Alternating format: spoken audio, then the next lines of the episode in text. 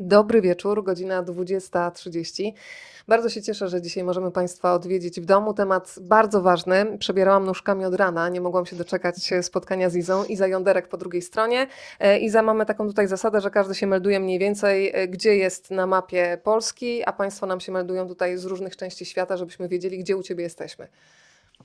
No to jesteśmy u mnie w domu w Warszawie e, w towarzystwie moich dwóch kotów. Drodzy Państwo, to my czekamy na takie ciepłe uściski dłoni wirtualne, ale każdy meldunek tutaj, który nam daje znać, gdzie jesteście, powoduje, że mm, jakoś się lokalizujemy na mapie, a ja wierzę w to, że niezależnie od dzielących nas kilometrów, emocjonalnie dzisiaj będziemy blisko. Zmieniam się. To jest y, książka, która nas dzisiaj tutaj zgromadziła. Ja dzisiaj, Iza, napisałam bardzo szczerze, że mm, po Twojej książce skierowanej do młodych czytelników bardzo dużo myślałam o tym, jak brak takiej książki w moim dzieciństwie mm, wpłynął wpłynął na to, jak dzisiaj myślę o swoim ciele i jaką pracę mam do wykonania, żeby się na nowo z nim zaprzyjaźnić, w ogóle się z nim zadomowić. O tym dzisiaj na pewno porozmawiamy, ale pozwól, że Cię przedstawię, bo w czasach, kiedy w mediach wszyscy wypowiadają się na każdy temat, podwójnie cenię wiedzę ekspercką, więc chciałam Państwu powiedzieć, że mamy wybitną dzisiaj ekspertkę na pokładzie Rozmawiam, bo lubię i już przedstawiam. Jesteś psychologiem, psychoterapeutką, seksuologiem klinicznym Polskiego Towarzystwa Seksuologicznego, psychoseksuologiem Europejskiej Federacji Seksuologii i Europejskiego Towarzystwa Medycyny Seksualnej.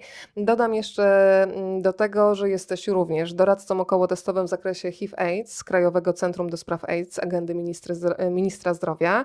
Mm, działasz od lat jako edukatorka seksualna Fundacji Promocji Zdrowia Seksualnego. Dodam jeszcze, że jeżeli Państwo będą chcieli Cię spotkać, to mogą wybrać się do jednego z gabinetów e, prywatnych w Warszawie albo na przykład spotkać się w Centrum Terapii Lew Starowicz. E, pracujesz też na oddziale psychiatrycznym Szpitala Bielańskiego w Warszawie e, i jesteś wykładowczynią. Bardzo zazdroszczę studentom, studentom takiej wykładowczyni w Centrum Medycznym Kształcenia Podyplomowego. Czy wszystko się zgadza? Wszystko się zgadza, tak jest. Ale dzisiaj chciałabym, żeby Państwo i ja również chciałabym Cię bardzo poznać jako nastolatkę, bo mam takie wrażenie po lekturze Twojej książki, zresztą piszesz o tym szczerze, że czułaś się, jak wielu z nas, mocno zagubiona, kiedy miałaś te naście lat. Pamiętasz w ogóle ze swojej szkoły jakiekolwiek lekcje dotyczące edukacji seksualnej, dorastania? Co masz w głowie? Hmm. Pamiętam jedne zajęcie z edukacji seksualnej. E, byłam wtedy w szkole średniej. Ja jeszcze jestem tym rocznikiem, który miał czteroletnią e, szkołę średnią i ośmioletnią szkołę podstawową. Nie pamiętam dokładnie, czy to była pierwsza, czy druga, e, czy druga klasa, Natomiast na pewno pamiętam, że mieliśmy mieć te, że mieliśmy te zajęcia zamiast lekcji języka mm, niemieckiego. Byliśmy, było nas 20 chyba 4 osoby i ktoś nam powiedział, że będzie nam mówił o e, miesiączce i o jakichś tam elementach związanych z fizjologią. I pamiętam całe nasze skrępowanie. My już sądziliśmy, że jesteśmy dorośli, że już wszystko wiemy. E, niektórzy z nas mieli chłopaków albo dziewczyny e, i to, że przyszedł nas ktoś obcy i chciał nam przez 45 minut powiedzieć o, czymś, o czym nikt nam wcześniej nie mówił, wywołało u nas falę zawstydzenia, takich e, śmiechów, patrzenia po sobie i ewidentnie trudno, trudno nam było wszystkim z tego skorzystać. My raczej prześmieliśmy, prześmialiśmy te zajęcia, e, aniżeli byliśmy zainteresowani. I kolejnych zajęć nie było. Ja również nie pamiętam, żeby ktokolwiek mówił nam o zmieniającym się ciele w szkole podstawowej. Nikt nie był tym zainteresowany. Rozmnażanie zasadzie, pantofelka było ważniejsze, nie? Dokładnie. I mm, przypominam sobie, że taką wiedzę, ale wyłącznie na poziomie biologicznym, którą mogłam e, poznać w kontekście ciała, były lekcje biologii w szkole średniej. I to też oczywiście w określonym wieku, nie wtedy, kiedy miałam 15 lat. Więc e, byłam całkowicie e, pozbawiona tego jakby ze strony, ze, ze strony szkoły. Mm, i, mm, i zagubiona w tym, co się z tym moim ciałem dzieje, co się dzieje z moimi emocjami, e, co się dzieje w zakresie budowania przeze mnie różnych relacji, mm, z tym, jak mi serce bije e, do różnych osób i dlaczego raz szybciej, a raz wolniej. No, dużo takich, e, takich momentów było. Też Przypominam sobie taki moment e, zagubienia, e, szczególnie teraz, jak, jak o to pytasz, jak brałam udział w szkole podstawowej w takim konkursie na Miss. pojechałam wtedy na, pojechałam wtedy na kolonię i tam były takie, takie wybory. I bardzo najadłam się tam wstydu. To seksualizowanie y, dziewczynek, właśnie podkreślanie ich wartości poprzez, poprzez wygląd, oceny, która jest y, zgrabna, która nie, która ma jak wydepilowane włoski i to, że oceniali nas y, chłopcy i panie opiekunki i też inne dziewczynki, które nie brały w tym udziału i nasze płacze tych dziewczynek, które nie wygrały, Ba, to bardzo było, było nieprzyjemne doświadczenie. Ja dzisiaj, Iza, przed naszym spotkaniem e, zrobiłam taką krótką sondę. Oczywiście może ona nie jest za bardzo reprezentatywna, no bo jednak y, ten udział respondentów to nie była jakaś wielka skala, ale myślę, że jednak sporo mówi. Wśród odbiorców rozmawiam, bo lubię 96% na pytanie o to, czy pamiętają jakiekolwiek rozmowy na temat dorastania i seksualności z rodzicami, odpowiedziało nie. 4% hmm. coś pamiętało. E, I powiem Ci szczerze, że oczywiście ten wynik mnie niespecjalnie zaskoczył, bo mam wrażenie, że mm, naszych rodziców po prostu nikt tego nie uczył, więc oni nawet nie wiedzieli, jak podejść do tematu. I ja mam taką szczerą nadzieję, że dzisiejsi młodzi ludzie za kilkanaście lat będą z dużą wdzięcznością myśleć o Twojej książce, bo przynosisz im wiedzę, mm, wiedzę, która przynosi spokój, e, i tak naprawdę zamienia, zamienia miejsca, czyli znika nam gdzieś ten lęk i niepokój, że ja nie wiem o co chodzi, i wiedza, która przynosi spokój. Powiedz, czego tak bardzo boją się dorośli, kiedy pada hasło rozmowa o dojrzewaniu, rozmowa o seksualności? Chyba od razu jest to mylenie dwóch słów: seksualizacja, o której przed chwilą mówiłaś, a wiedza na temat seksualności człowieka, z którą każdy z nas przychodzi na świat. Wiesz co, ja myślę, że ten temat jest naprawdę wielopłaszczyznowy i trudno dać jedną odpowiedź.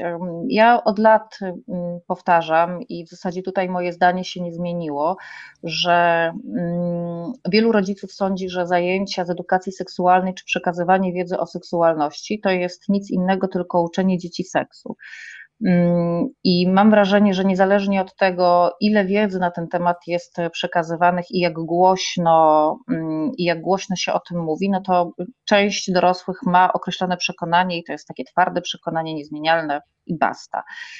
Mm, z drugiej strony mam też, mam też takie wrażenie, które pojawiło mi się stosunkowo niedawno, że wielu z nas, dorosłych, nie chce pamiętać, jak to było, kiedy byli dziećmi. A my wszyscy przeżywaliśmy zawstydzenie, niepokój, momenty, niektórzy z nas, momenty upokarzania, e, takiego mm, zawstydzania ciałem, jak chociażby te wybory MIS, o których, e, o których wspomniałam.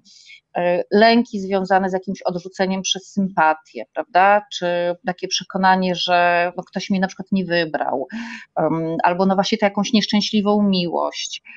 I my nie chcemy pamiętać o tych doświadczeniach. Poza tym mamy różne niezbyt przyjemne mm, doświadczenia z naszymi rodzicami czy innymi osobami dorosłymi. I, mm, I sięgnięcie z perspektywy osoby dorosłej do tego, czego doświadczaliśmy jako dziecko, no wiązałoby się z powrotem tych różnych e, uczuć i myśli mm, do świadomości a po prostu tego nie chcemy robić. W związku z tym mm, czasem nam się wydaje, że to, co przeżywa nasze dziecko, y, nie jest w ogóle istotne, że my wiemy lepiej, y, co jest dla niego dobre i w związku z tym możemy ograniczyć mu jakoś wiedzę, ale też nie przyjmujemy w związku z tym do wiadomości, że nasze dziecko może przeżywać niepokój, może mieć lęk, może być zagubione, tak jak my kiedyś byliśmy, o czym właśnie nie chcemy pamiętać. Mm, I jak weźmiemy ten, ten jeden i drugi element e, pod uwagę, mm, to nagle dzieje się coś takiego, że rodzic, mm, myśląc, że robi dobrze, tak naprawdę pozbawia dziecko podstawowej wiedzy na temat tego, co po prostu się z nim dzieje, naturalnego atrybutu każdego z nas. To jest niesamowite, bo ja po lekturze Twojej książki Iza pomyślałam sobie z jednej strony z taką ogromną czułością i o sobie jako dziewczynce, i o swoich rówieśnikach, ale też z czułością myślałam o rodzicach, którzy są bezradni i potrzebują takiej wiedzy. Na szczęście ta wiedza jest i warto po nią sięgnąć. Yy, przypomniałam sobie sytuację, która w ogóle gdzieś mi, wiesz co, umknęła, ale masz taką moc przenoszenia jak wehikuł czasu w określone sytuacje. E, zresztą rozmawiałyśmy tutaj, zanim się pojawiłyśmy u Państwa w domu, że najpierw się zastanawiałam, czy ja w ogóle mogę Państwu o tym opisać, a potem sobie pomyślałam, właśnie, że mogę, bo czym różni się moja łechtaczka od mojej głowy, ręki, e, włosów i tak dalej. Otóż przypomniałam sobie, drodzy Państwo, ja nie wiem ile ja miałam wtedy lat, ale pamiętam, że to były te momenty, kiedy człowiek już sam się zaczynał kąpać, odkrywał swoje ciało, i nagle, słuchajcie, przerażenie, odkryłam łechtaczkę. I to nie było miłe doświadczenie, że ja odkrywam, jaka to jest przyjemność podczas dotyku, tylko nagle odkryłam, że ona jest. W mojej mhm. głowie, w głowie małego dziecka zrodziła się myśl, że to jest jakiś głos. Ja za chwilę umrę. Ja naprawdę, y, słuchajcie, po ilu, nie wiem, no nie wiem, no kilkudziesięciu latach przypomniałam sobie taką stop klatkę. I zanim ja w ogóle się zebrałam na odwagę jako dziecko, żeby porozmawiać o tym z mamą, to w ogóle zapłakałam się, że to już jest koniec, jestem chora, jak mam o tym powiedzieć? I ta moja biedna mama oczywiście od razu mnie przytuliła, wytłumaczyła o co chodzi i myślę, że po prostu nie wpadła na to, że to może być dla mnie przerażające, więc to nie wynikało z żadnej złej woli, no ale ja sobie uświadomiłam, jak bardzo coś, co wydaje się naturalne, coś, co znam, bo przecież jestem z tym od urodzenia, może być zaskakujące kiedy nagle odkrywasz taką, a nie inną część swojego ciała. Jak często ty się, Iza, spotykasz e, z takimi momentami, kiedy to, co powinno być naturalne, no jest postrzegane jako coś zagrażającego, a dziecko potrafi sobie, jak widać, stworzyć przeróżne scenariusze. No ja umierałam prawie już.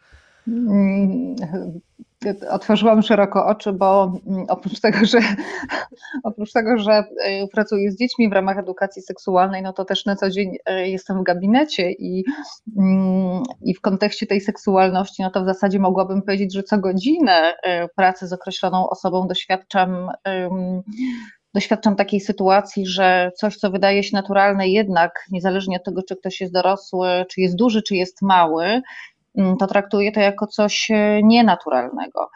Mm, I e, jeśli chodzi o, mm, jeśli chodzi o dzieci, to dzieci nie mają podstawowej wiedzy.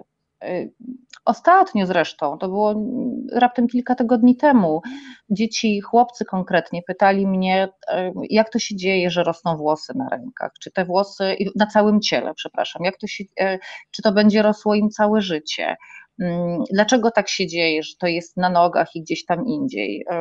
Chłopcy pytali o tampony, to mówiłam Ci o tym zanim, e, zanim tak. rozpoczęłyśmy tutaj e, rozmowę przy Państwu. I e, było to dla nas zdumiewające faktycznie, tak. że mężczyzna, który mieszka z mamą, która cały czas ma menstruację, nie widział nigdy podpaski, czyli dalej to, że ona jest gdzieś chowana głęboko w szafce, w wielu domach jest aktualne. Jakby było tak. to coś wstydliwego. Dokładnie. I, mm, no i to są takie rzeczy, które, które naprawdę się dzieją na co dzień. Oczywiście to nie jest tak, że się dzieją e, w każdym domu i e, z każdym dzieckiem, mm, bo oczywiście jest ogromna rzesza rodziców, którzy przekazują mm, tę wiedzę, edukują, kupują właśnie książeczki, e, a nawet jeśli nie kupują, to po prostu razem z dzieckiem poszukują jakichś informacji w internecie. No niemniej, jeśli mogłabym tutaj użyć takiego uogólnienia, to jednak edukacji seksualnej nie ma i ani nie ma w szkole, bo szkoła nie wypełnia tej luki. Mm, rodzice, tak jak słusznie wspomniałaś, sami nie byli edukowani, w związku z tym nie mają języka nawet do tego, żeby tym dzieciom wiedzę e, przekazywać, jeśli w ogóle chcą ją przekazywać, bo to jest też, e, to jest też istotne. Mm, no i takie dziecko e, zostaje samo. Myślę, że to chyba warto podkreślić przede wszystkim. Polskie dziecko w różnych sytuacjach jest samo czy o edukację seksualną chodzi, czy o jego w ogóle funkcjonowanie emocjonalne. Mm, wiemy doskonale, jak, jak wygląda ta opieka psychologiczno-psychiatryczna dla dzieci i młodzieży, więc e, wiemy, co się dzieje w szkołach, jaki jest jeden psycholog na, kilku, na e, kilkaset dzieci. Mm, więc, więc to naprawdę no, nie wygląda tutaj aż tak, aż tak różowo, jakby nam się wydawało, że, że wygląda. Ja sobie Iza przypomniałam naszą rozmowę sprzed kilku lat. Mm, kiedyś powiedziałaś mi o tym, że wielu dorosłych ten wstyd wyniesiony z dzieciństwa, ten brak wiedzy niesie potem przez y, niemal całe życie. Y, I użyłaś takiego zdania, że wstyd zabija. I to nie była metafora. Wspominałaś mi o ludziach, którzy trafiają na przykład do onkologów w sytuacji, kiedy lekarz niestety, ale już może tylko bezradnie rozłożyć ręce, bo sytuacja, która była do uratowania kilka miesięcy temu, no teraz już nie jest do uratowania, tylko i wyłącznie dlatego, że problem medyczny jest, jak mówią pacjenci, zlokalizowany tam na dole. Do tego stopnia się ludzie dorośli potrafią wstydzić i nie mają języka, żeby opowiadać o swoich genitaliach, że przedłużają ten moment, zanim trafią do lekarza. Powiedzmy, że to nie są jakieś bajki, ty znasz konkrety, ty pracujesz z tymi ludźmi, byłaś świadkiem niestety wielu tragedii, a to wszystko właśnie zaczyna się od tego dzieciństwa, że nikt nas nie uczy tego, jak nazywają się nasze wszystkie części ciała, które są tak samo okej. Okay. No ja właśnie mam e, bardzo duży sprzeciw wobec, e, wobec zawstydzania, bo ja bym chciała podkreślić jedną ważną rzecz, że wstyd, on się nie bierze znikąd. E, dziecko, e, które się rodzi, które jakoś tam wychowujemy, jest spontaniczne, robi różne rzeczy, bawi się z ciekawością otaczającym się światem, e, wkłada rękę do nocnika, potem do sedesu, bawi się sikami albo bawi się kupą, wkłada sobie różne zabawki do buzi. Po prostu jest naprawdę, no, te, te jego rączki sięgają, sięgają wszędzie i e, to dorosły uczy je różnych norm. I oczywiście tutaj nie chciałabym wylać tego dziecka z kąpielą, bo wiadomo, że normy są, e, że normy są wskazane i, i potrzebne i należy uczyć e, dziecko tego, co jakoś może, co, czego nie może, co, co mu szkodzi, a, a, a czego nie, tutaj, żeby, żeby była jasność. O tyle jest bardzo wiele komunikatów ze strony dorosłych mówiących wprost: przynosisz mi wstyd to jest wstyd, jak ty się zachowujesz. To jest wstyd, że dotykasz na przykład swojego ciała, albo te miejsca są wstydliwe, i trudno się potem dziwić, że e, nastolatek albo szuka wsparcia wśród rówieśników, albo szuka wsparcia i wiedzy w internecie, a potem, kiedy jest dorosły, potężnie wstydzi się wszystkiego, swoich uczuć się wstydzi, swojego zachowania, swojej fizjologii, właśnie e, tego, że coś mu dolega, statystyki w Polsce też są, e, jakby dotyczące badań profilaktycznych, też są okrutne.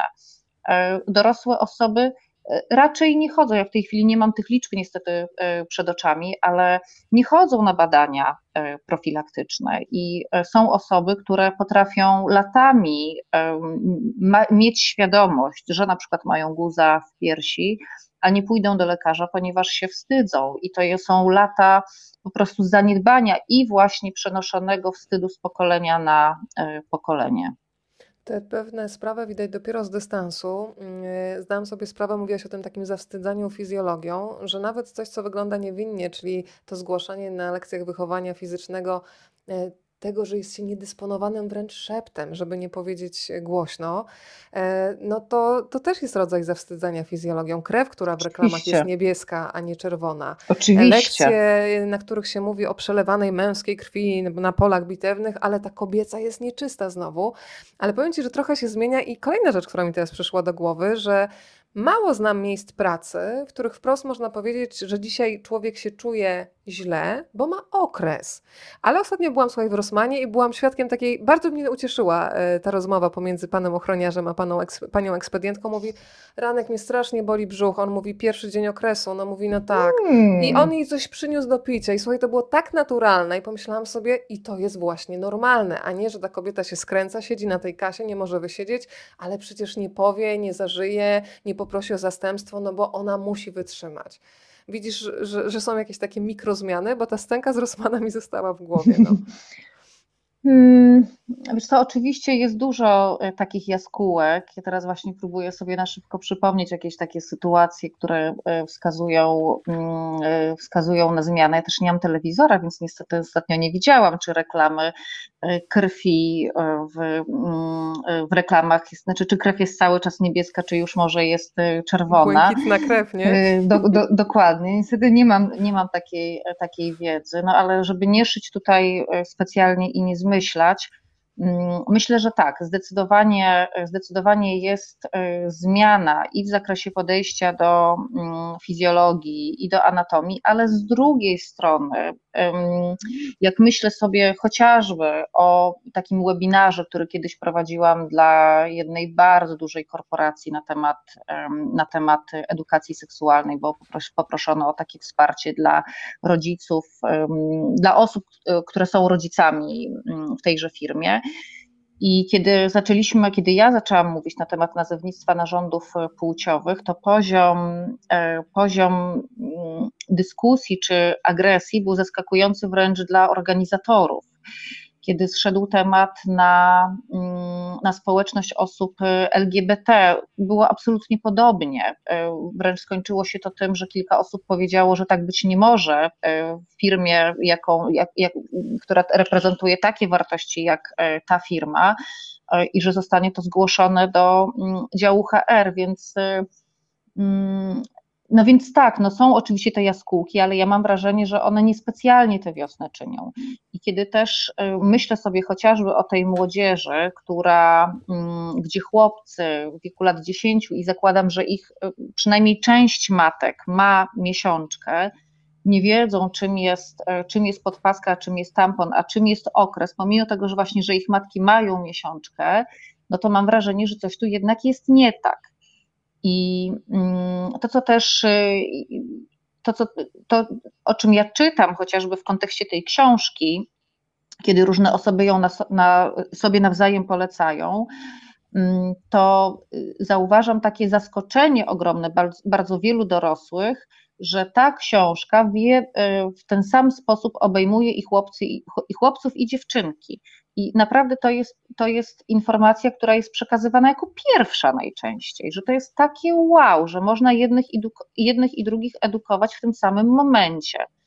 Też jedna matka, w sensie dziecka, które recenzowało mi, e, recenzowało mi tę książkę, też na to zwróciła uwagę. Mówi: Iza, ty piszesz nie tylko dla dziewczynek, bo edukacja seksualna jakoś w dużej mierze jest koncentrowana na dziewczynkach, ale też wspominasz o chłopcach. No i mm, no ja to z, ja z jednej strony czytam czy słucham takich, takich komentarzy i myślę, no, no tak, no dla mnie to naturalne, a z drugiej strony jednak jak odbiję się trochę od tej e, naturalności i zrobię e, krok w tył, to, to, to, to sobie myślę, no, no właśnie, że e, coś tu jeszcze jednak nie gra, prawda? Kiedy myślimy o edukacji seksualnej, jednak niekoedukacyjnej, jeśli przekazujemy wiedzę dotyczącą miesiączki tylko dziewczynkom, a nie chłopcom, mm, czy właśnie różnym środkom, e, czy różnych środkach e, higienicznych, czy jeśli obejmujemy wiedzą już niezależnie jaką, e, głównie dziewczynki, a pomijamy z tego obszaru chłopców, no to mam wrażenie, że mamy jednak jeszcze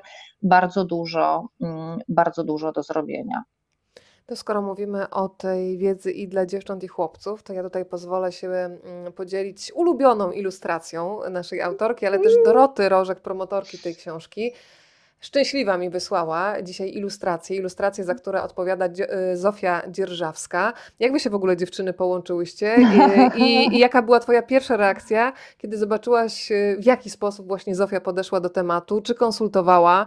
E, ilustrację Iza. To jest opowieść teraz o tej warstwie Oj, obrazkowej. To jest w ogóle. Mm, to jest niby tak prosta, ale jednak tak piękna i złożona i cudowna historia. Mm, ja spotkałam się z, z Dorotą Rożek, z Kasią Sendecką i z Małgosią Zemstą, które bardzo serdecznie pozdrawiam, chociaż Dorota jest tutaj, jak rozumiem, razem z nami na takim spotkaniu dotyczącym tego, jak ta książka miałaby wyglądać. No i e, Kasia Sendecka powiedziała, że ma taką wspaniałą ilustratorkę, mm, właśnie Zosię Dzierżawską, i bardzo by chciała, żeby to Zosia tę książkę mm, ilustrowała. No i ja podesłałam e, rozdział mm, żeby, żeby Zosia mogła wykonać pierwsze ilustracje do tego rozdziału. No i to był właśnie rozdział, ten, e, ten pierwszy rozdział Anatomia. I ja jak zobaczyłam te ilustracje, to ja, ja, ja po prostu krzyknęłam. Już nie pamiętam, czy siedziałam przed komputerem, czy przed, e, czy przed telefonem z ekscytacji. A jak jestem podekscytowana, to różne załączniki lubię oglądać od razu. I absolutnie ta ilustracja podbiła mi serce. Ja się zakochałam i w tej ilustracji, i w wielu innych. Zaczęłam robić to, zrobiłam zdjęcie tej ilustracji i powysyłałam ją do różnych moich znajomych. Wszyscy się oczywiście mm, zakochali. No i ja absolutnie nie miałam żadnych wątpliwości, że, że Zosia będzie najwłaściwszą osobą do, do tego, żeby tę książkę e, przygotować właśnie ilustracyjnie. I nasza praca polegała na tym, że mm, już każdy skończony rozdział Mm, Zosia, Zosia dostawała i pracowała z tekstem. Ona ma taką absolutnie niesamowitą zdolność. Myślę, że to jest po prostu ogromny talent, chyba, który niewiele osób ma. Widzenia mm, pracy z tekstem i widzenia y, w tekście już obrazków i ona to z jednej strony trochę abstrakcyjnie, a z drugiej strony dosłownie tak potrafi przedstawić, że oddaje dokładnie sedno tego wszystkiego, co, mm, co, w tej, e, co w tej książce jest. Chyba nie masz tego tutaj na, w tych przygotowanych ilustracjach, mm, ale ci Państwo, którzy, którzy macie tę książkę, a jeśli nie, to oczywiście zachęcam e, do zobaczenia albo do kupna. Jest też taka piękna ilustracja, jak ja piszę o zapachu, że zapach na początku, kiedy dojrzewamy, może się wydawać nieatrakcyjny, że nam przeszkadza, ale kiedy jesteśmy dorośli, czy, czy już myślimy y, o relacji z bliskim, bliską e, osobą seksualnej, to zaczyna mieć bardzo duże znaczenie. No i Zosia narysowała takiego chłopaka, za którym unosi się taka łuna zapachu. No w ogóle absolutnie obłędny ten rysunek, ale dokładnie e, pokazujący to sedno o które mi, e, o które mi chodziło. Mm, więc ona ma naprawdę taką, taką zdolność do widzenia rzeczy na zupełnie innym, e, innym poziomie i każdy z tych rysunków był strzałem w dziesiątkę. Widzę, że pojawiają się już pytania od Państwa i bardzo się z tego cieszę. Ja też się przyznałam, że gdybym była rodzicem, to naprawdę bym nie wiedziała, kiedy zacząć rozmowę na temat seksualności, jak mówić, jakie informacje przekazywać. I tutaj właśnie Pani Mariola napisała: O matko, właśnie sobie uświadomiłam, że powinnam zacząć rozmawiać z moją dziewięciolatką, a myślałam, że mam jeszcze czas. E, I Pani Wanda jako babcia pyta: Pani Izo, w jakim wieku powinno się zacząć rozmawiać z dziećmi na temat e, seksuologii, seksualności? Piękna ilustracja przy okazji więc e, tutaj Iza poprosimy o podpowiedzi. Mhm, tak, e, i piękna ilustracja, pozdrawiamy Zosię oczywiście.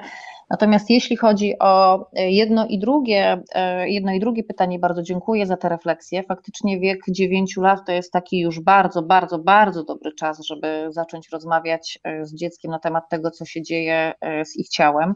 Ja bym tutaj chciała mm, właśnie podkreślić ten element zmiany i ciała, bo y, od tego możemy zacząć, że dojrzewanie jest czymś, co nas zmienia i zauważamy te zmiany przede wszystkim na poziomie naszego ciała, że rosną piersi, że właśnie pojawia się miesiączka, że będą poszerzały się biodra, mm, że mm, będą rosły czasem nieproporcjonalnie nasze ręce i nasze nogi, że chłopcom będzie rósł penis i, i moszna. I to i właśnie będzie ta moszna ciemniała, będą pojawiały się tam włosy, podobnie jak włosy na, na narządach płciowych u dziewczynek. Ja I... bardzo lubię też tę ilustrację, która pokazuje, Piękna. że na przykład wargi sromowe mogą mieć przeróżne kształty i potem nie ma w tych dziewczynkach takiego lęku, czy ja jestem ok, czy jak ja tam wyglądam, czy ja jestem dobrze zbudowana. Każda z nas jest inna i to jest piękne. Tak, no mnie tutaj właśnie zależało, jeśli mogę od razu, mm, jeśli mogę od razu się do, do, dołączyć do, do tej ilustracji, tam są też rysunki, mm, rysunki na przykład penisków e, i w ogóle kształtów e, cipek. Ja pisałam w niektórych miejscach Zosi instrukcję taką, jakby w nawiasie, że zależy mi na tym, żeby A były różne kształty, ale żeby też pokazać różnorodność, że tak powiem, kolorów, tak? I tego, że te nasze ciała nie są wszystkie takie same. E, I to jest, to jest co prawda książka przygotowana w dużym jednak stopniu na, na Polskę i na polskie dzieci, i my, jest, my żyjemy w dość takim hermetycznym e, kraju, natomiast mieszkają też e, w Polsce osoby czarnoskóre, E, i nie można zapominać jakby o tej różnorodności. Więc zależało mi na tym, żeby pokazać cielesność, ale też różnorodność ludzką każdej, w każdej możliwej odsłonie, a nie zachowywać to tylko, mm, nie, nie, nie zostawiać tego w takiej formie, do jakiej e, wielu osób, wiele osób jest przyzwyczajonych na podstawie jakichś starych książek czy, mm, czy materiałów, to po prostu jest nieprawda. I, Piszesz no na i... przykład o błonie dziewiczej, prawda? Hasło błona dziewicze na przykład y, w książkach dla dziewczynek y, czy chłopców w Norwegii w ogóle się nie pojawia. Dokładnie. E, I tutaj, no, no, właśnie, więc zależało mi na tym, żeby ta wiedza była aktualna, rzetelna, mm, żeby wyprowadzać z tych mitów, że tutaj nikt nie może określić, czy ktoś uprawiał seks, czy jeszcze nie uprawiał, że to jest nazwa, która może wprowadzić w błąd. Mm, I no właśnie, mnie się wydaje, że jeśli, mm, że jeśli dziecko e, jak najwcześniej dostanie adekwatną wiedzę, to jego poziom lęku i niepokoju się mm, zmniejszy i będzie z większą e, gotowością wchodziło w kolejne etapy, mm, etapy rozwojowe. Ta książka ma koić i, i, i, normalizować to, co się z nami dzieje. Mm, stąd też zresztą na co drugiej stronie jest napisane, to wszystko jest ok. Mm, natomiast jeszcze wracając do pytania, e, do pytania pani Wandy o taki pierwszy moment, e, w którym warto, mm, warto wprowadzać w temat seksualności, ja bym powiedziała, że to są te momenty, w których dziecko zaczyna zadawać pytania a skąd się wziąłem na tym świecie, prawda? Y, skąd, skąd się wziął mój braciszek, albo jak się rodzi dziecko. To już są takie, takie pytania, w których rodzic zgodnie z wiedzą, prawdziwie, ale też tak y, rzeczowo, nie wykraczając poza pytanie dziecka, może udzielić y, krótkiej, treściwej odpowiedzi. Jeśli tutaj ma jakąś wątpliwość, zawsze może sięgnąć do mm, internetu, do oczywiście rzetelnych, y, rzetelnych stron, żeby, mm, żeby, się czymś, żeby się czymś podeprzeć. Poza tym jest też dużo takich książeczek skierowanych dla rodziców małych dzieci. I to już jest dobra, dobra wiedza. To naprawdę w tym temacie seksualności nie chodzi o to, żeby edukować o seksie, E, ale seksualność to, jest, e, to są właśnie te informacje dotyczące e, chociażby fizjologii i, i anatomii, o które dziecko pyta już w najmłodszym wieku. Twoją książkę Zmieniam się rekomenduje też Fundacja Dajemy Dzieciom Siłę. Mm. Fantastyczni ludzie na pokładzie w tej fundacji. Wstęp napisał Łukasz Wojtasik i napisał, że od 25 lat Fundacji Dajemy Dzieciom Siłę mm, stawiają na ochronę dzieci przed krzywdzeniem i jego obserwacje doprowadziły go do takiego przekonania, że uważna relacja rodziców z dzieckiem, połączona z przekazywaniem mu ważnej, rzetelnej życiowej wiedzy, jest kluczowym czynnikiem chroniącym je przed krzywdzeniem i prowadzącym do dobrego i udanego życia. I tutaj kolejne pytanie, które nam się połączy. E, mm, wspominała zresztą o tym Justyna Suchecka, która prowadziła z Tobą spotkanie w Big Book Cafe. Mhm. E, może niewiele osób o tym pamięta, pisze Piotrek, ale w 1987 roku do szkół średnich trafił podręcznik Wiesława Sokoluka Przysposobienie do życia w rodzinie. Po dwóch miesiącach pod naporem krytyki Episkopatu i Komitetu Centralnego cały nakład został zniszczony. Czy się Pani nie boi? Minęło ponad 30 lat i niewiele się zmieniło. Tutaj znak zapytania. Przy okazji gratulacje Świetna sprawa. No, muszę Cię zapytać o to, czy się nie boisz, tym bardziej, że piszesz o aborcji, piszesz o środkach antykoncepcyjnych, piszesz o tym, że czasami ludzie nie mogą w naturalny sposób zajść w ciążę i wtedy może im pomóc albo inseminacja, albo procedura in vitro.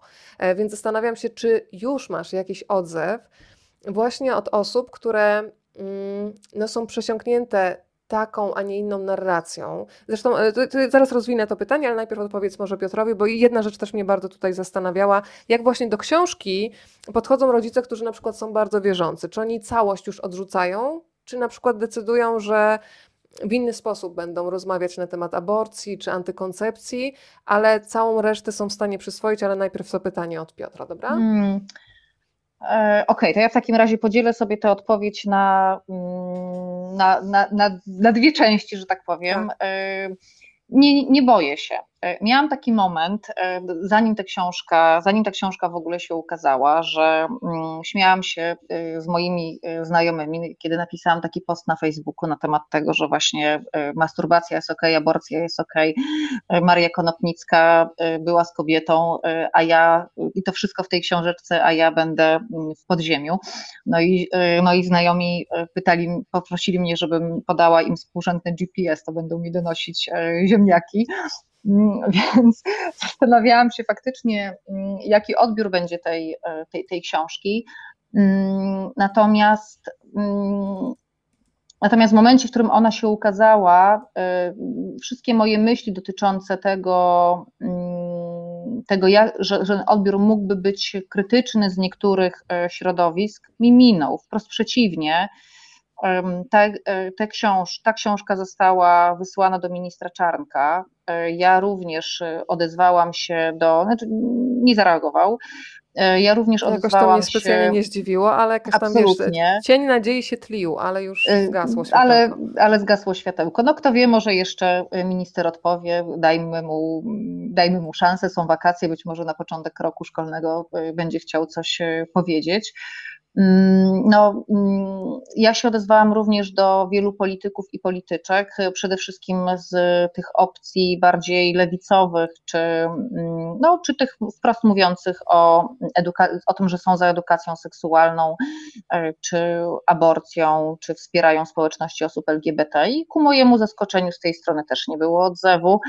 E, w związku z tym no, mój poziom rozczarowania e, takimi pustymi słowami ze strony różnych środowisk politycznych jednak jest e, ogromny, ponieważ jak się okazuje, można bardzo dużo mówić na temat tego, jak edukacja seksualna jest potrzebna, a kiedy można się zapoznać z książką, która, mm, która miałaby szansę być podręcznikiem, to jednak tego nikt nie robi. I, no i mam tutaj naprawdę spore rozczarowanie e, taką, e, tak, taką sytuacją. Nie, żeby oczywiście ona była jakoś zaskakująca, no ale jednak e, jest jak jest. Więc tymi, mm, tymi przykładami chcę odpowiedzieć, że nie, nie, nie boję się. Wiem, co napisałam, wiem, że to jest rzetelna wiedza, mm, nie ma tutaj żadnych przekłamań. Ta książka nie jest światopoglądowa, mm, tylko ona przekazuje konkretne, konkretne informacje. W związku z tym, no ja nie mam się czego ani wstydzić, ani, ani bać.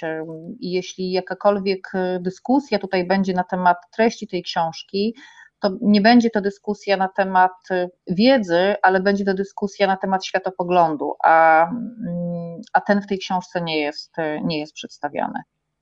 Y, tutaj zatrzymałam się przy ilustracji, y, gdzie możemy spojrzeć w oczy, oczywiście tak wirtualnie, ale Jarosław Iwaszkiewicz się pojawia jako postać z przyszłości, Maria Konopnicka wspomniana przez Ciebie, Karol Szymanowski, Oscar Wilde czy pan Andersen.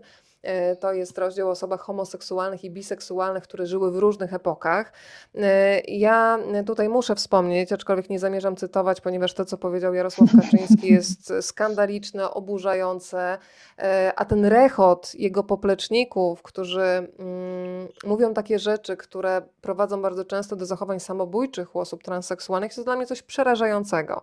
Mm, nie wiem, jak można być tak bardzo odklejonym od rzeczywistości, żeby mówić takie rzeczy rzeczy i znajdować właśnie takich klakierów, których tego typu wypowiedzi będą yy, śmieszyć. Myślę, że Państwo wiedzą o czym mówię. Nie zamierzam tych słów cytować, bo po prostu yy, nie zasługują na, na uwagę i w żaden sposób na powtarzanie.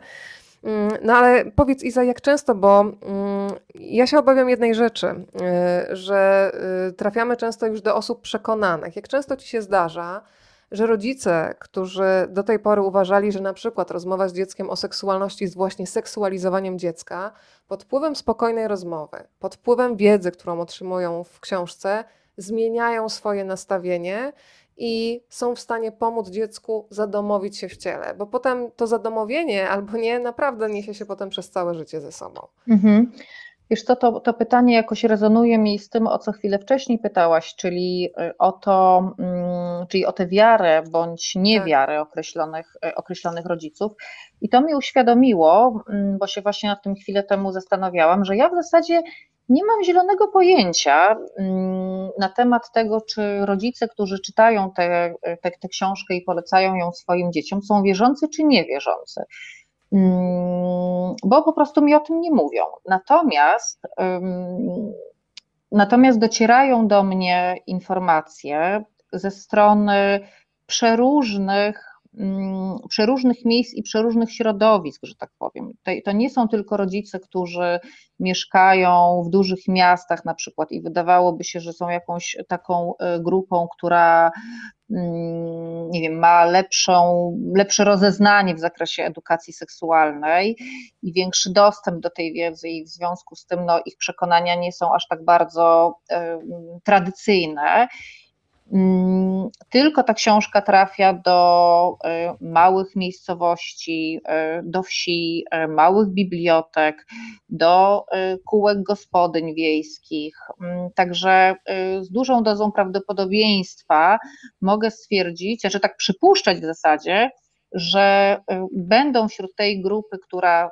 tę książkę czyta i przekazuje swoim dzieciom, również osoby wierzące albo o, takich, mm, o takim światopoglądzie, no nie wiem jak to określić, trochę umiarkowanym, tak, albo takim właśnie mm, że mogli mieć wątpliwości co do zakresu y, edukacji seksualnej. Mm, I po kilku wywiadach, których udzieliłam, ale też po rozmowie, którą miałam z Justyną Suchecką, przeczytałam przeczytałam parę takich komentarzy, mm, też parę osób do mnie pisało dokładnie w tej sprawie, że łagodność, która jest w tej książce zaproponowana i czułość mm, jest czymś, co te osoby przekonało. Użyły takich słów, że mają wrażenie, że wokół edukacji seksualnej jest sporo takiego. Hmm,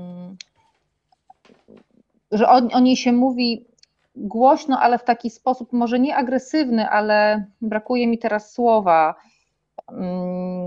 Tak jakby coś miało być na siłę, jakaś presja miałaby być, żeby, żeby ta edukacja seksualna miała miejsce. A ta książka jest, jest inna. Ta książka mówi ciepło, życzliwie, łagodnie, z pozycji partnerstwa, Mm, I dostaję też takie y, komunikaty od bardzo wielu, mm, od bardzo wielu mm, osób, że były wychowywane w chłodzie, w bardzo zimnych domach, a ta książka pomaga niejako y, tym dorosłym osobom dać to ciepło i zaproponować je też dzieciom, które pojawiają się jakby już u tych dorosłych osób, które kiedyś były, były dziećmi. Więc, no więc tak zbierając to wszystko, co powiedziałam i próbując odpowiedzieć na Twoje, na twoje pytanie, mm, Myślę, że tak, że różne osoby z różnymi przekonaniami, z różnymi doświadczeniami rodzinnymi mm, dostają w tej książce to, czego, czego potrzebują, i ona odpowiada na ich potrzeby, ale też na potrzeby dzieci. Zresztą też, e, tak teraz sobie przypomniałam, mm, że uwielbiam te wiadomości, e, kiedy, kiedy ktoś do mnie pisze albo, albo mówi, że jedną książkę kupił dziecku, a drugą dla siebie. Ja to doskonale rozumiem. Słuchaj, my jesteśmy tutaj w gronie, rozmawiam, bo lubię, często mówimy o sobie, że jesteśmy dziećmi w dorosłym opakowaniu i o tę dziecięcość też bardzo dbamy.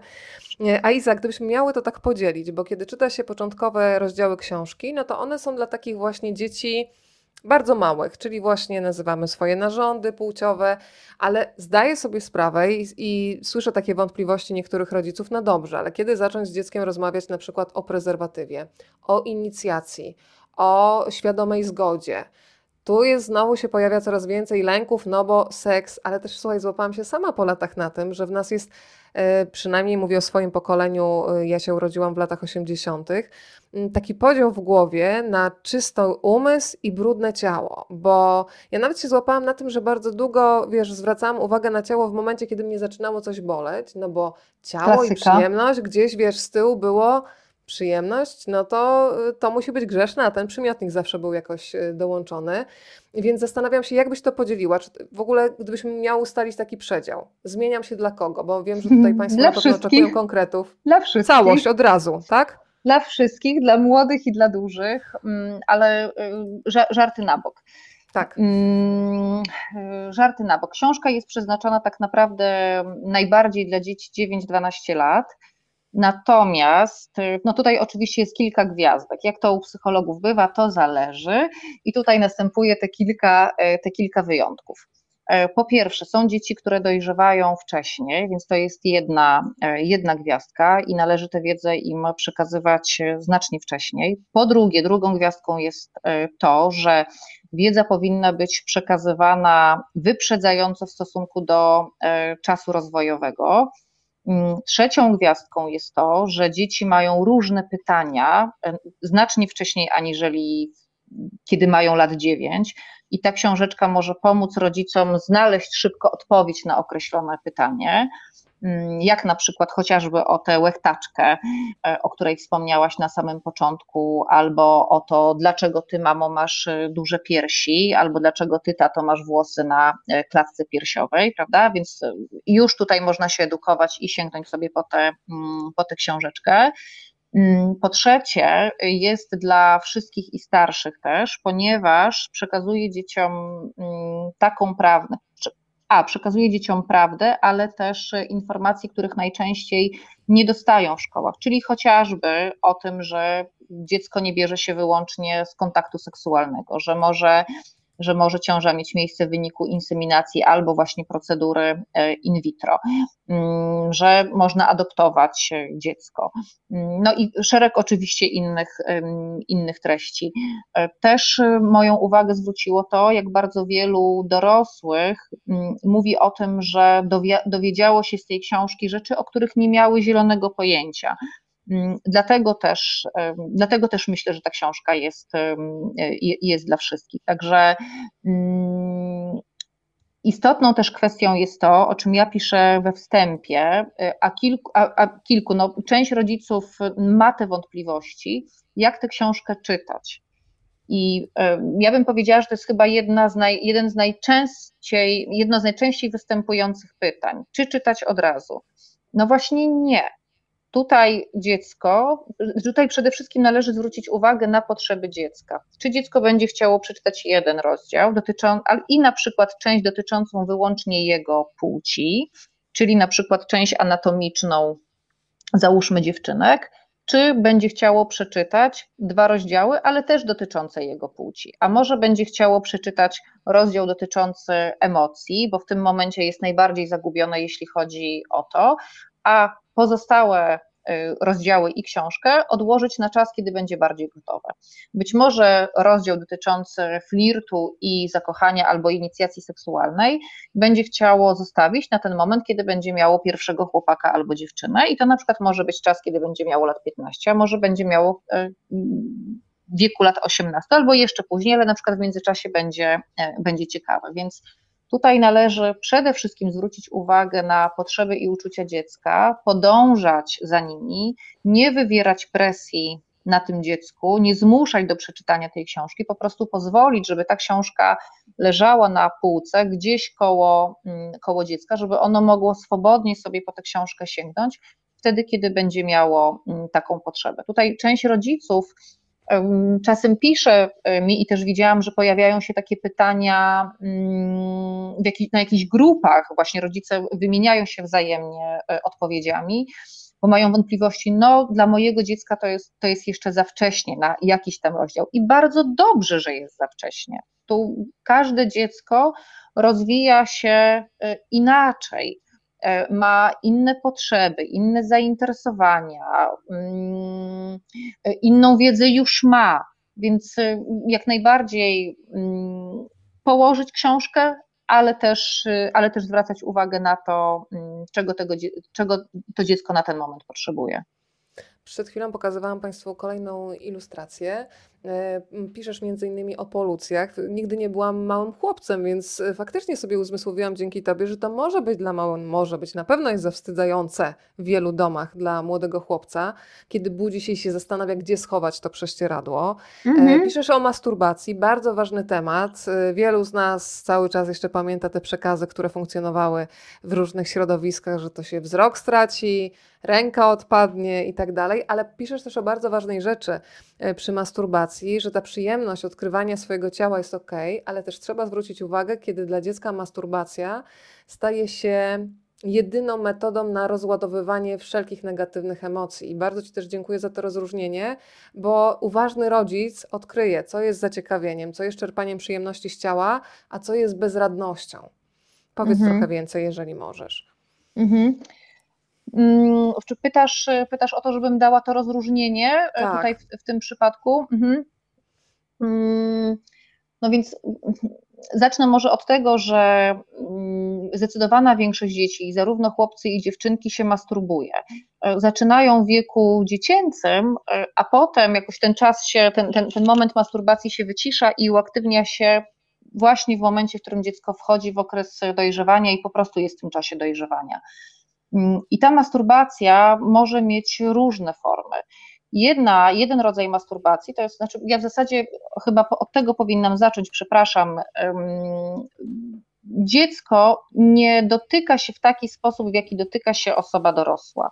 To jest podstawowa rzecz. Przede wszystkim tutaj mówię o tych dzieciach takich przed okresem dojrzewania, bo dziecko nie ma popędu seksualnego, ono po prostu poznaje swoje ciało, jest nim zaciekawione, widzi, że dotyk narządów płciowych sprawia przyjemność, no i po prostu jakoś, jakoś to te, te narządy płciowe dotyka, tak? Więc ja w ogóle jestem za tym, żeby wykreślić to słowo masturbacja y, ze słownika w kontekście, y, w kontekście tych małych dzieci, y, a temat, jak wiemy, jest bardzo, mm, jest bardzo gorący. Tak bym to określiła. Natomiast w momencie, w którym dziecko wchodzi, mm, bo po prostu pełni to inną funkcję, Natomiast w momencie, w którym dziecko e, dojrzewa, no to faktycznie pojawia się, mm, pojawiają się już jakieś uczucia, często, często związane z określoną, e, z określoną osobą, pojawia się jakieś napięcie seksualne. I takie dziecko, czy chłopiec, czy dziewczynka, będzie chciało zredukować to napięcie właśnie poprzez dotyk swoich narządów płciowych. I to jest naturalne, zdrowe, to jest naturalny element aktywności seksualnej mm, każdego, każdego człowieka, jeśli oczywiście lubi taką, mm, taką aktywność. Mm, I w momencie, w którym dzieje się to po to, żeby lepiej poznać swoje ciało, żeby sprawić sobie przyjemność, żeby właśnie zredukować pojawiające się napięcie seksualne, to jest wszystko ok. Natomiast w momencie, w którym ta masturbacja służy do redukcji smutku, do redukcji złości, do, jak, do bezradności, bezsilności, czy jakby do takich różnych stanów, którego ktoś, e, które ktoś może doświadczać, no to wtedy jest to powód do niepokoju, tak? Ponieważ masturbacja nie powinna być taką aktywnością, która zastępuje nam mm, inne sposoby czy strategie na to, żeby radzić sobie ze swoimi uczuciami i różnymi sytuacjami, które te uczucia wzbudzają. Mm, więc to jest i informacja dla takiego nastolatka, prawda, że warto tutaj zastanowić się, sprawdzić, czemu, czemu mi ten dotyk służy, ale też do rodzica, jeśli na przykład ma wątpliwości, co takiego to dziecko, mm, to dziecko robi. To najczęściej w przypadku w przypadku ta, ta masturbacja taka instrumentalnie właśnie, czyli do redukcji mm, napięcia jest szczególnie widoczna u małych dzieci, no i tutaj rodzic najczęściej nie ma wątpliwości, że coś jest e, nie tak, natomiast nastolatek już potrafi to świetnie ukrywać. Mm, no i po prostu rodzic tego nie widzi. Ale, ale jeśli coś tego rodzica niepokoi, to zdecydowanie e, powinien z tym dzieckiem porozmawiać. I za obok e, zagadnień dotyczących ciała równolegle pojawiają się bardzo ważne zagadnienia o emocjach. Zresztą no, tutaj to wszystko się łączy, zresztą o tym wspominałaś przed chwilą. E, bardzo Ci dziękuję za te wątki, które pokazują młodym ludziom, na czym polega przyjaźń. No to jest wymiana. Daje, ale też coś dostaje. Myślę, że ludzie, którzy nauczą się stawiania też granic, e, będą mieli rodzaj takiego radaru, żeby nie wchodzić w związki toksyczne, bo oni już będą wiedzieli, na czym polega zdrowa wymiana, na czym polega przyjaźń, na tym, że nie można zawłaszczać kogoś, mieć kogoś kogoś y, na wyłączność w relacji przyjacielskiej, e, że te przyjaźnie mogą się w różnych konstelacjach nawiązywać. Bardzo Ci też dziękuję za to. Myślę, że to będzie taką ulgą dla wielu dorosłych że piszesz o tym, że niektóre reakcje nastolatków nie wynikają z tego, że oni są, nie wiem, złośliwi, zbuntowane, tylko tak działa chemia mózgu i wyrzut hormonów. Piszesz na przykład prostą rzecz o melatoninie e, odpowiedzialnej za zasypianie. Ona po prostu u nastolatków wydziela się dopiero około północy. U osoby dorosłej pojawia się około 21 i między innymi z tego powodu rodzice i dzieci mogą mieć często rozbieżne zdanie na temat tego, że to już jest pora, w której e, trzeba się położyć spać, więc za to rozróżnienie też Ci bardzo dziękuję.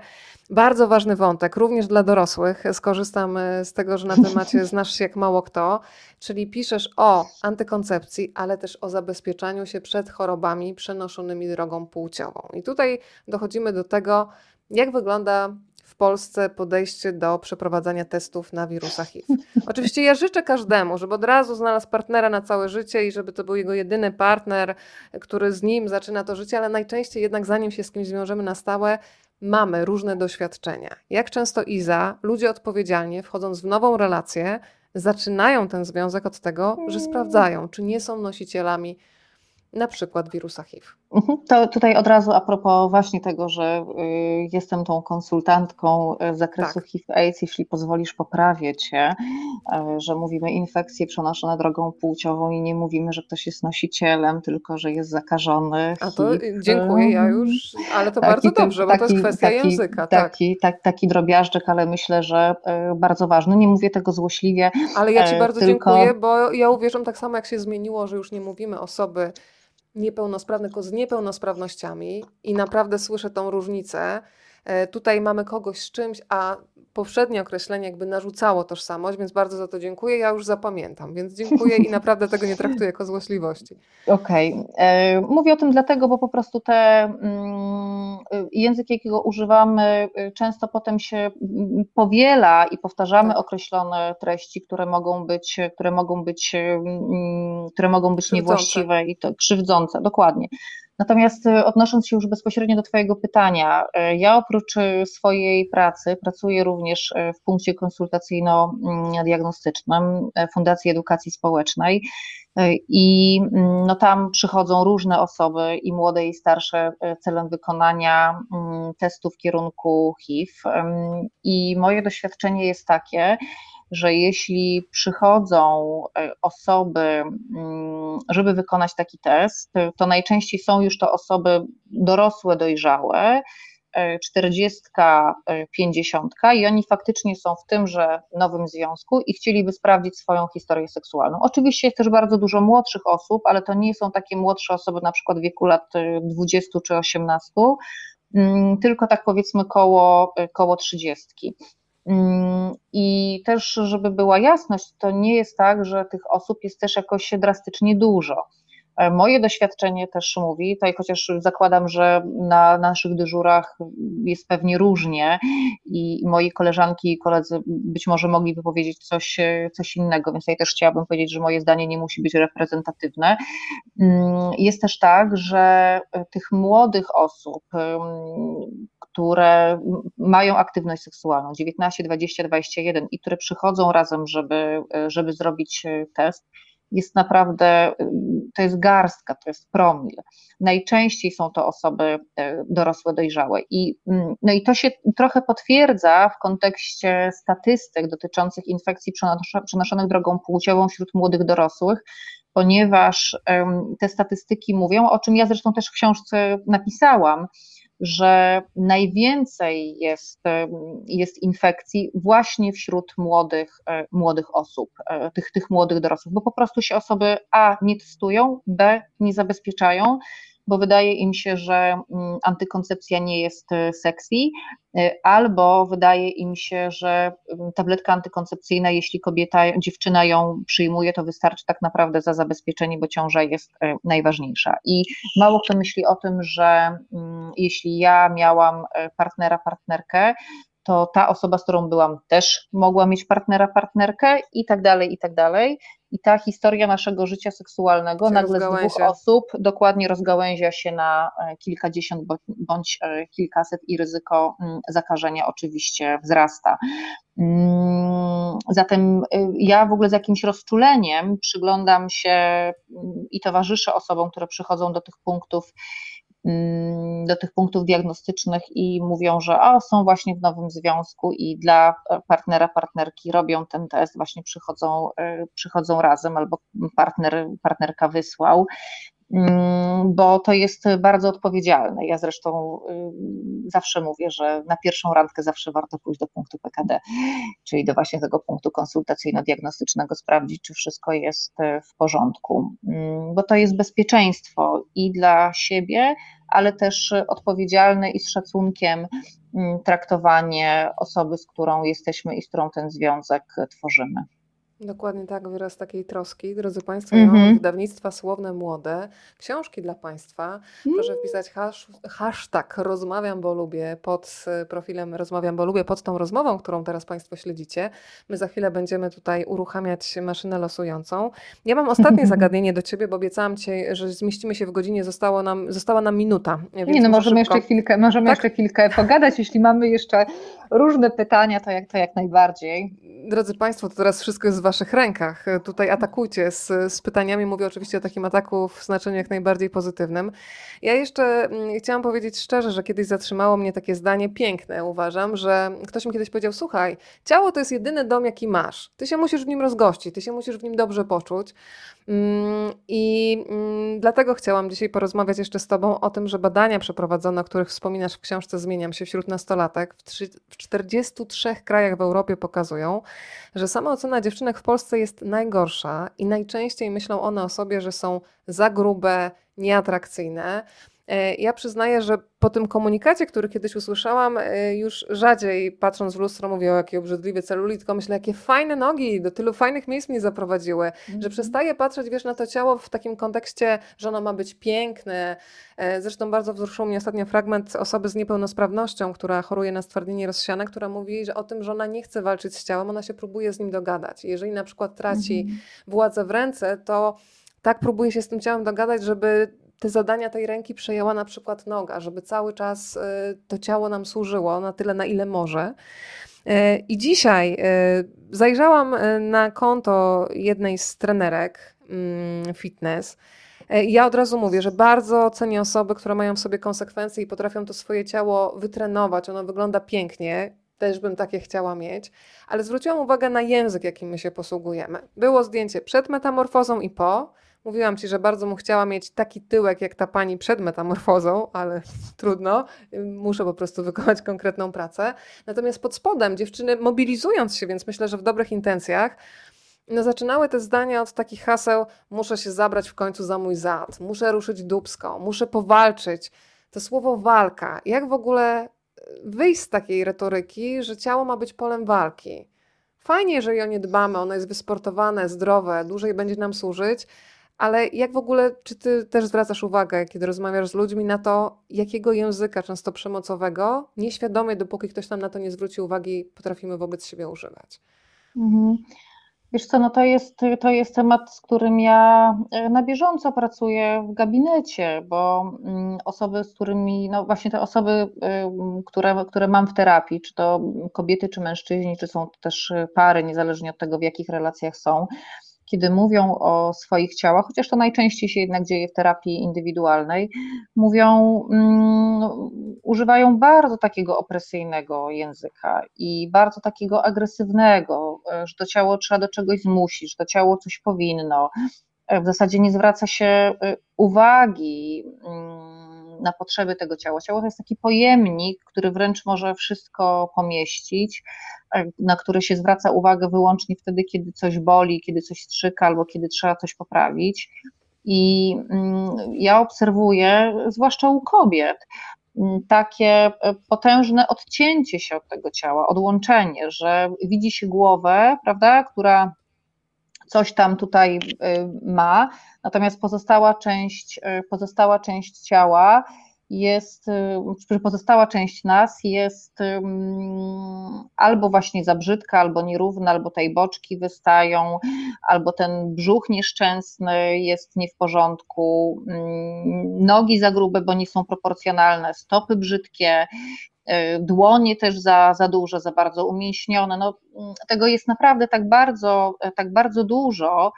Mm, ja wtedy każdą osobę zatrzymuję, mówię, przepraszam, przepraszam, czy możemy się na chwilkę zatrzymać i przyjrzeć się językowi, jakiego e, pani, pan używa, mówiąc, e, mówiąc o tym ciele. No i, no i oczywiście to też nie jest tak, że, że każdy z nas urodził się z takim stosunkiem do ciała. No, no nie to jest, to jest niestety wyssane z mlekiem naszych rodziców, z kulturą, która w taki sposób no, zachę, znaczy zachęca nas do traktowania ciała e, w taki sposób, do tych ocen, które mają nasze matki wobec siebie, ale też wobec nas, że ciągle mamy się poprawiać, ciągle mamy wyglądać, ciągle chodzić w spódniczkach, w ładnych spineczkach, czego nie dopowiesz, to dowyglądasz prawda? Złość piękności tak. szkodzi. No, jakby tych, tych przekazów jest tak bardzo, bardzo dużo, że aż y, smutno by było je, mm, je wymieniać. Mm, I, I, cały czas mierzymy się z tym, że wartość dziewcząt i kobiet jest jednak y, jest postrzegana poprzez ich wygląd albo atrakcyjność fizyczną czy, y, czy seksualną. Mm, I to niestety y, potem, kiedy jesteśmy y, dorośli, mm, zasadniczo wpływa na naszą samoocenę, na nasze myślenie o sobie, na budowanie naszych relacji, ale też na, na, możliwość czerpania przyjemności. Jak my mamy czerpać przyjemność, chociażby z aktywności seksualnej, jeśli mm, nie lubimy swojego ciała, jeśli nie pozwalamy sobie na przeżycie przyjemności, nie tylko w kontekście seksualnym, ale w ogóle na co dzień, prawda? Bo kobieta, zanim pozwoli sobie na to, żeby y, odpocząć, no to musi zrobić wszystkie aktywności w domu i, mm, i poza domem. Y, a nawet jeśli to zrobi, to i tak znajdzie sobie coś, żeby jeszcze nie usiąść i ma poczucie winy. Więc, y, więc mam wrażenie, że my nie lubimy się jakoś z ciałem. Ja pamiętam, mm, i to też y, słychać w tej książce, mm, osoby, które mnie znają, no to znają tę moją historię. Mm, ja ten język, który wybrzmiewa w tej książce, taki czuły i delikatny, jest e, skutkiem mojej, mm, mojej drugiej, czy w zasadzie trzeciej drogi, którą e, przyjęłam w swoim życiu, mianowicie nauczycielki mindfulnessu, czyli uważności. Mm, I ja poszłam na taki kurs ośmiotygodniowy, potem poszłam na kurs nauczycielski mm, redukcji stresu, ale też, też compassion, czyli, czyli współczucia, który uczy takiej uczy bliskości, ciepła, życzliwości do siebie, mm, przyjmowania, takiego ciepłego kontaktowania się ze sobą i zwracania uwagi na siebie w taki sposób nieoceniający i, mm, i serdeczny, taki tkliwy, z troską. I myślę, że dzięki, mm, dzięki temu i dzięki temu, czego ja się tam nauczyłam, i też co mogę przekazywać dzięki temu osobom, z którymi pracuję, tę zmianę y, słychać, słychać w tej książce. Zmieniam się. Natomiast y, jeszcze, bo tak pytałaś na samym początku o te moje, moje doświadczenia y, w kontekście ciała. Ja, jak wspomniałam chociażby o tych wyborach MIS, to, to ja byłam jedną z, z nastolatek, które też nie miały dobrego kontaktu ze swoim ciałem, bo po prostu nikt nas tego nie, e, nikt nas tego nie uczył. Mm, I zdecydowana większość z nas zaczyna te relacje e, budować mm, świadomie w wieku dorosłym. Ale wiesz co, to jest pocieszające, że w takim razie nie mając, można ją mieć. E, tak. można się zaprzyjaźnić, więc y, bardzo się cieszę, że pokazuje, że to nie jest tak, że ktoś ma albo nie ma i już nic się z tym nie da zrobić, y, tylko ta droga do samego siebie może być też fantastyczną przygodą. Ja pomyślałam sobie mm, bardzo mocno, myślałam też o dziewczynkach, chłopcach, którzy funkcjonują w tym świecie, który jest jeszcze inny od tego, który my znamy. Myślę o mediach społecznościowych. Mm. Bardzo Ci dziękuję, że w książce Zmieniam się poświęcasz też sporą część na to, żeby omówić zagadnienia związane z hejtem i z tym, że ta przemoc y, w sieci dotyka nas równie mocno. My nie mamy jakiegoś osobnego pojomnika na przemoc e, rówieśniczą, który nas spotyka w takich relacjach, kiedy ktoś stoi wokół nas i coś nam mówi prosto w twarz, ale tak samo te emocje dotykają nas i potrafią niszczyć, kiedy nie jesteśmy obrażani w sieci ale też zastanawiam się, jak mamy, czy i ojcowie, bo no właśnie znowu widzieć, jak stereotypowo pomyślałam, jak mamy mają wspierać dziewczynki, a to przecież y, rola ojca jest równie istotna. Mm, no właśnie w tym świecie internetowym. Ja sama się łapię jako, wiesz, kobieta po czterdziestce, że nawet jak wiem, że tam jest dziesiątka filtrów, to myślę, rany, jak ona wygląda. Nawet te, jak to mówiła Justyna Suchecka, tamtej to się nawet dresy na kolanach nie wypychają, wszystko jest idealnie. E, no więc jak wytłumaczyć dziecku, które no, w zasadzie już się prawie rodzi z telefonem, że ten świat nie istnieje? Bo ta opresja rośnie i to pokazują badania, które wspominasz. Dziewczynki w Polsce najgorzej w całej Europie postrzegają własną cielesność. Nie wiem, odciąć mhm. od internetu, wyłączyć te profile, które powodują obniżenie nastroju. Jak działać? Mhm. Wiesz co, y, to, to jest y, znowu złożona, y, złożona sprawa i, mm, i trudno dać jedną receptę, bo to, że dziewczynki mają taką, taką obniżoną samoocenę, jest ni mniej, ni więcej, tylko mm, skutkiem zarówno tego, w jaki sposób y, one są oceniane pod względem atrakcyjności fizycznej, ale również skutkiem tego, że ich matki same oceniają swoje ciała i te dziewczynki w tym wzrastają. I niestety to jest wzmacniane y, przez bardzo wiele przekazów i chociażby przez seksualizację dodatkowo, która jest na zewnątrz, którą możemy chociażby zaobserwować w billboardach. Ja mam często takie ulubione zajęcia, jak jestem gdzieś w podróży, ja akurat nie prowadzę, że robię zdjęcia billboardom e, pokazującym, pokazującym obraz kobiety taki seksualizowany. Na przykład uwielbiam, oczywiście mówię w cudzysłowie, takie, takie zdjęcia, gdzie jest cała naga kobieta i tylko szarfą ma zasłonięte e, piersi i reklamuje na przykład e, sklep AGD albo no, nie już cokolwiek innego dachówki. nie chcę tej, dachówki, dokładnie, już nie chcę w tej chwili w tej chwili zmyślać. I taka dziewczynka, czy taka kobieta, czy również mężczyzna, oczywiście przyglądając się takim zdjęciom, mm, nasiąka e, takimi treściami i e, wszystkim się wydaje, że tak po prostu powinno być, że to jest właściwe, że to jest prawidłowe, że to jest słuszne, Mm, I jeśli mm, uważny rodzic nie zareaguje chociażby na taką treść, prawda, czy, tego, czy to, co słychać w telewizji, czy właśnie to, co słychać na tym billboardzie, mm, czy, czy gdziekolwiek indziej, e, no to mamy gotową receptę na katastrofę.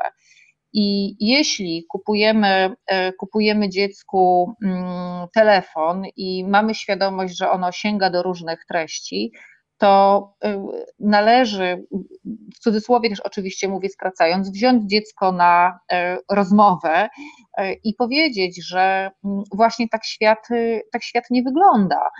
Tu można wziąć nawet gazety, które na co dzień matka czy ojciec mogą kupować. To mogą być te poradniki, że tak powiem, dla kobiet czy, czy dla mężczyzn. Czy jeśli nawet ludzie nie kupują w tej chwili gazet, wiadomo, bo wszystko można znaleźć w internecie, to można pokazać zdjęcia e, wyretuszowane i powiedzieć, że dokładnie to samo jest na przykład na Instagramie.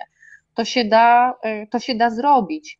Natomiast to, to, co też jest bardzo ciekawe w badaniach, to to, że nawet dorosłe osoby, które wiedzą, że to jest przefiltrowane i że to nie jest naturalne, mają takie, takie myśli, że być może powinny wyglądać tak, jak to jest przedstawione na tych, na tych filmach, na, na, na tych zdjęciach, a co dopiero w takim razie dziecko. Więc tym bardziej tutaj jest um, nasza rola um, do tego, żeby, um, żeby regularnie o tych treściach mówić i wykorzystywać każdą nadarzającą się, każdą nadarzającą się okazję. Wiesz co, przypomniałaś mi taki fragment z książki Karoliny Sulej. Jedna z jej rozmówczyń mówi o tym, że jest wdzięczna swojej mamie między innymi za to, że miała dostęp do gazet dla naturystów, bo tam widziała normalne, naturalne, ludzkie ciała. E, zostało to we mnie i faktycznie pomyślałam sobie, że faktycznie to powoduje, że kompletnie inaczej podchodzisz też do siebie. Mm-hmm. Widzisz, tak. że to jest różnorodne, że to nie jest wszystko e, wygładzone i z brokatem. Uruchamiamy naszą maszynę losującą, drodzy Państwo, a ja jeszcze bym chciała, maszyna już niech działa, żeby wybrzmiała jedna ważna rzecz, bo wyobrażam sobie, Iza, że Twoja książka jest czytana przez młodych czytelników wspierających, wspieranych przez rodziców, przez opiekunów, babcie, nauczycieli. Pani Aniu gratuluję i poproszę jeszcze o jedno losowanie. Mm, ale też wyobrażam sobie, że książka trafi do kogoś, kto nie ma wsparcia w rodzinie albo nie ma wsparcia w szkole. E, powiedzmy, Iza, że na końcu zostawiasz też takie koło ratunkowe dla tych, którzy muszą szukać pomocy na własną rękę. Tam jest cała baza telefonów. Panie Jacku, gratuluję i poproszę od razu po programie Państwa o maile pod taki, a nie inny adres rozmawiam, bo lubię gmail.com. Tam ustalimy, jak Państwo odbiorą książkę. A teraz, Iza, powiedzmy kilka takich adresów, które rekomendujesz jako seksuolożka, psycholożka, gdzie młodzi ludzie, e, którzy po lekturze Twojej książki poczują tę tkliwość, tę czułość i jednocześnie chcieliby jeszcze o coś dopytać, to gdzie oni mogą zadzwonić, z kim porozmawiać, mhm. jeżeli wsparcia nie mają w rodzinie? Mhm. Przede wszystkim polecam grupę edukatorów seksualnych Ponton. Tam, tam dziewczyny, mm, chyba też, tak, chyba tylko dziewczyny, ale może też chłopaki, osoby w każdym razie i, i odpowiadają e, mailowo, ale też jest telefon zaufania, więc można zadzwonić. Bardzo, bardzo, bardzo serdecznie polecam e, organizację też zajmującą się edukacją seksualną w Łodzi, e, która nazywa się Spunk. Mm, bardzo gorąco polecam też Miłość Nie Wyklucza, czyli tutaj taką organizację wspierającą, wspierającą osoby nieheteroseksualne. Jeśli chodzi o transpłciowość, to mm, polecam, polecam organizację Transfuzja. Mm, też polecam linię antyprzemocową Fundacji Sexet.pl. Także to tak e, na szybko, mm, co mi przychodzi do głowy, ale zarówno w pontonie, jak i w spunku e, ta wiedza, którą, którą dziecko by potrzebowało, zdecydowanie będzie wielowymiarowa i, i na każdy temat. To ja jeszcze Państwu zdradzę ważną informację. Jeżeli ktoś z Państwa dzisiaj już nabrał apetytu na lekturę, że dzisiaj, jeżeli zajrzycie na stronę Tantispel, znajdziecie książkę Izy w bardzo atrakcyjnej cenie. To są informacje z pierwszej ręki od wydawnictwa Słowne, więc skoro się dowiedziałam, to od razu puszczamy informacje dalej. A ja Państwu powiem, że w temacie ciała zostaniemy przez jakiś czas w Rozmawiam, bo lubię, bo w poniedziałek pojawi się u nas Aleksandra Pakieła ze swoją debiutancką powieścią zatytułowaną Oto ciało moje. I powiem Wam na razie tylko Super. tyle, że Natalia czyli bohaterka tej książki ma na nadgarstku tatuaż.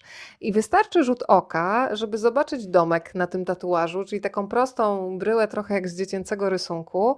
I to wszystko nabiera symbolicznego znaczenia, kiedy poznamy historię głównej bohaterki, bo spotykamy dziewczynę, która jak wielu z nas, o czym dzisiaj rozmawiałyśmy, no, uczy się zadomawiania we własnym ciele. Ciele, które przez lata było zawstydzane, porównywane i służyło do okiełznania, a nie kochania. E, z Olą na pewno będziemy rozmawiać m.in. o głodzie akceptacji, o opresji religii i o odwadze, kiedy już potrafimy powiedzieć, że czegoś nie zrobimy, bo nie chcemy, bez szukania jakiegoś parawanu z całej setki innych wymówek. Zaburzenia odżywiania będą też bardzo ważne przy tej rozmowie, przede wszystkim e, bulimia. To w poniedziałek, więc więc Iza, jeżeli tylko masz ochotę zasiąść e, przed komputerem i spędzić z nami wieczór, to też jesteś e, rzecz jasna serdecznie zaproszona. Czy ty Dziękuję. już piszesz e, kolejną książkę, czy się skupiasz na, że tak powiem, dokonaniach naukowych? Bo wiem, że ty tam masz cały czas pracujesz i to ostro, ale zastanawiam się, czy jako czytelnicy możemy oczekiwać na kolejną książkę. Są takie, są takie zakusy tutaj właśnie ze wspomnianą przez Ciebie mm, Dorotą. Myślimy o tym, w jaki sposób kontynuować kontynuować życie, zmieniam się i, i, jakieś te plany są, kto to wie, może coś nam z tych planów, e, z tych planów wyjdzie. Faktycznie mamy apetyt e, na więcej. Natomiast e, no nie, na razie, na razie skupiam się na mm, relaksie w każdym możliwym tego słowa, rozumieniu, odpoczywaniu i, mm, i przyjemności. Także to w tej chwili zajmuje zdecydowaną część mojej uwagi. To jestem z Ciebie dumna, bo szanowanie swojego zmęczenia to jest najważniejsza rzecz, która oznacza zaufanie do tego swojego ciała, więc widzę, że Ty jako specjalistka, zresztą nauczycielka e, uważności i tak jak wspomniałaś, współczucia, znasz to doskonale. E, przyznaję, że kiedy opowiadałaś o tej tkliwości i o tej uważności, to myślę, że nie, nie ja jedna chciałabym e, wziąć udział w takim kursie. Ty prowadzisz takie kursy już też, współczucia i uważności? Tak, tak, tak, tak. Prowadzę o. takie kursy zarówno te MBSR, czyli te podstawowe kursy redukcji stresu, ale właśnie też takie ośmiotygodniowe kursy mm, współczucia.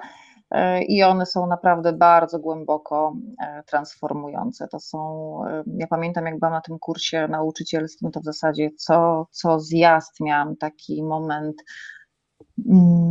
zmiany jakiegoś swojego podejścia i, i myślenia, ale też stosunku chociażby do, mm, do swojego czasu, do, mm, do, swoich, do swoich potrzeb. I one głęboko jakoś się we mnie zakorzeniały, wprowadzałam te wszystkie potrzeby mm, w życie, także mm, bardzo wszystkim polecam, też oczywiście właśnie te kursy robię, także jeśli ktoś będzie chciał na takim kursie u mnie być, to serdecznie zapraszam. To ja mam nadzieję, że z Państwem się spotkamy razem z Izą już na kursie. Ukradłam Ci 18 minut czasu, postaram się jakoś Wspaniale. odpracować. Jeżeli trzeba będzie umyć naczynia, wyprowadzić kota, nie wiem czy jest wychodzący, to ja się zgłaszam. Iza Jąderek była dzisiaj razem z Państwem. Zmieniam się. Co się ze mną dzieje podczas dojrzewania? Odpowiedzi szukajcie w środku. Pięknie Ci dziękuję za spotkanie. Dobrego wieczoru. Dziękuję. Dziękuję.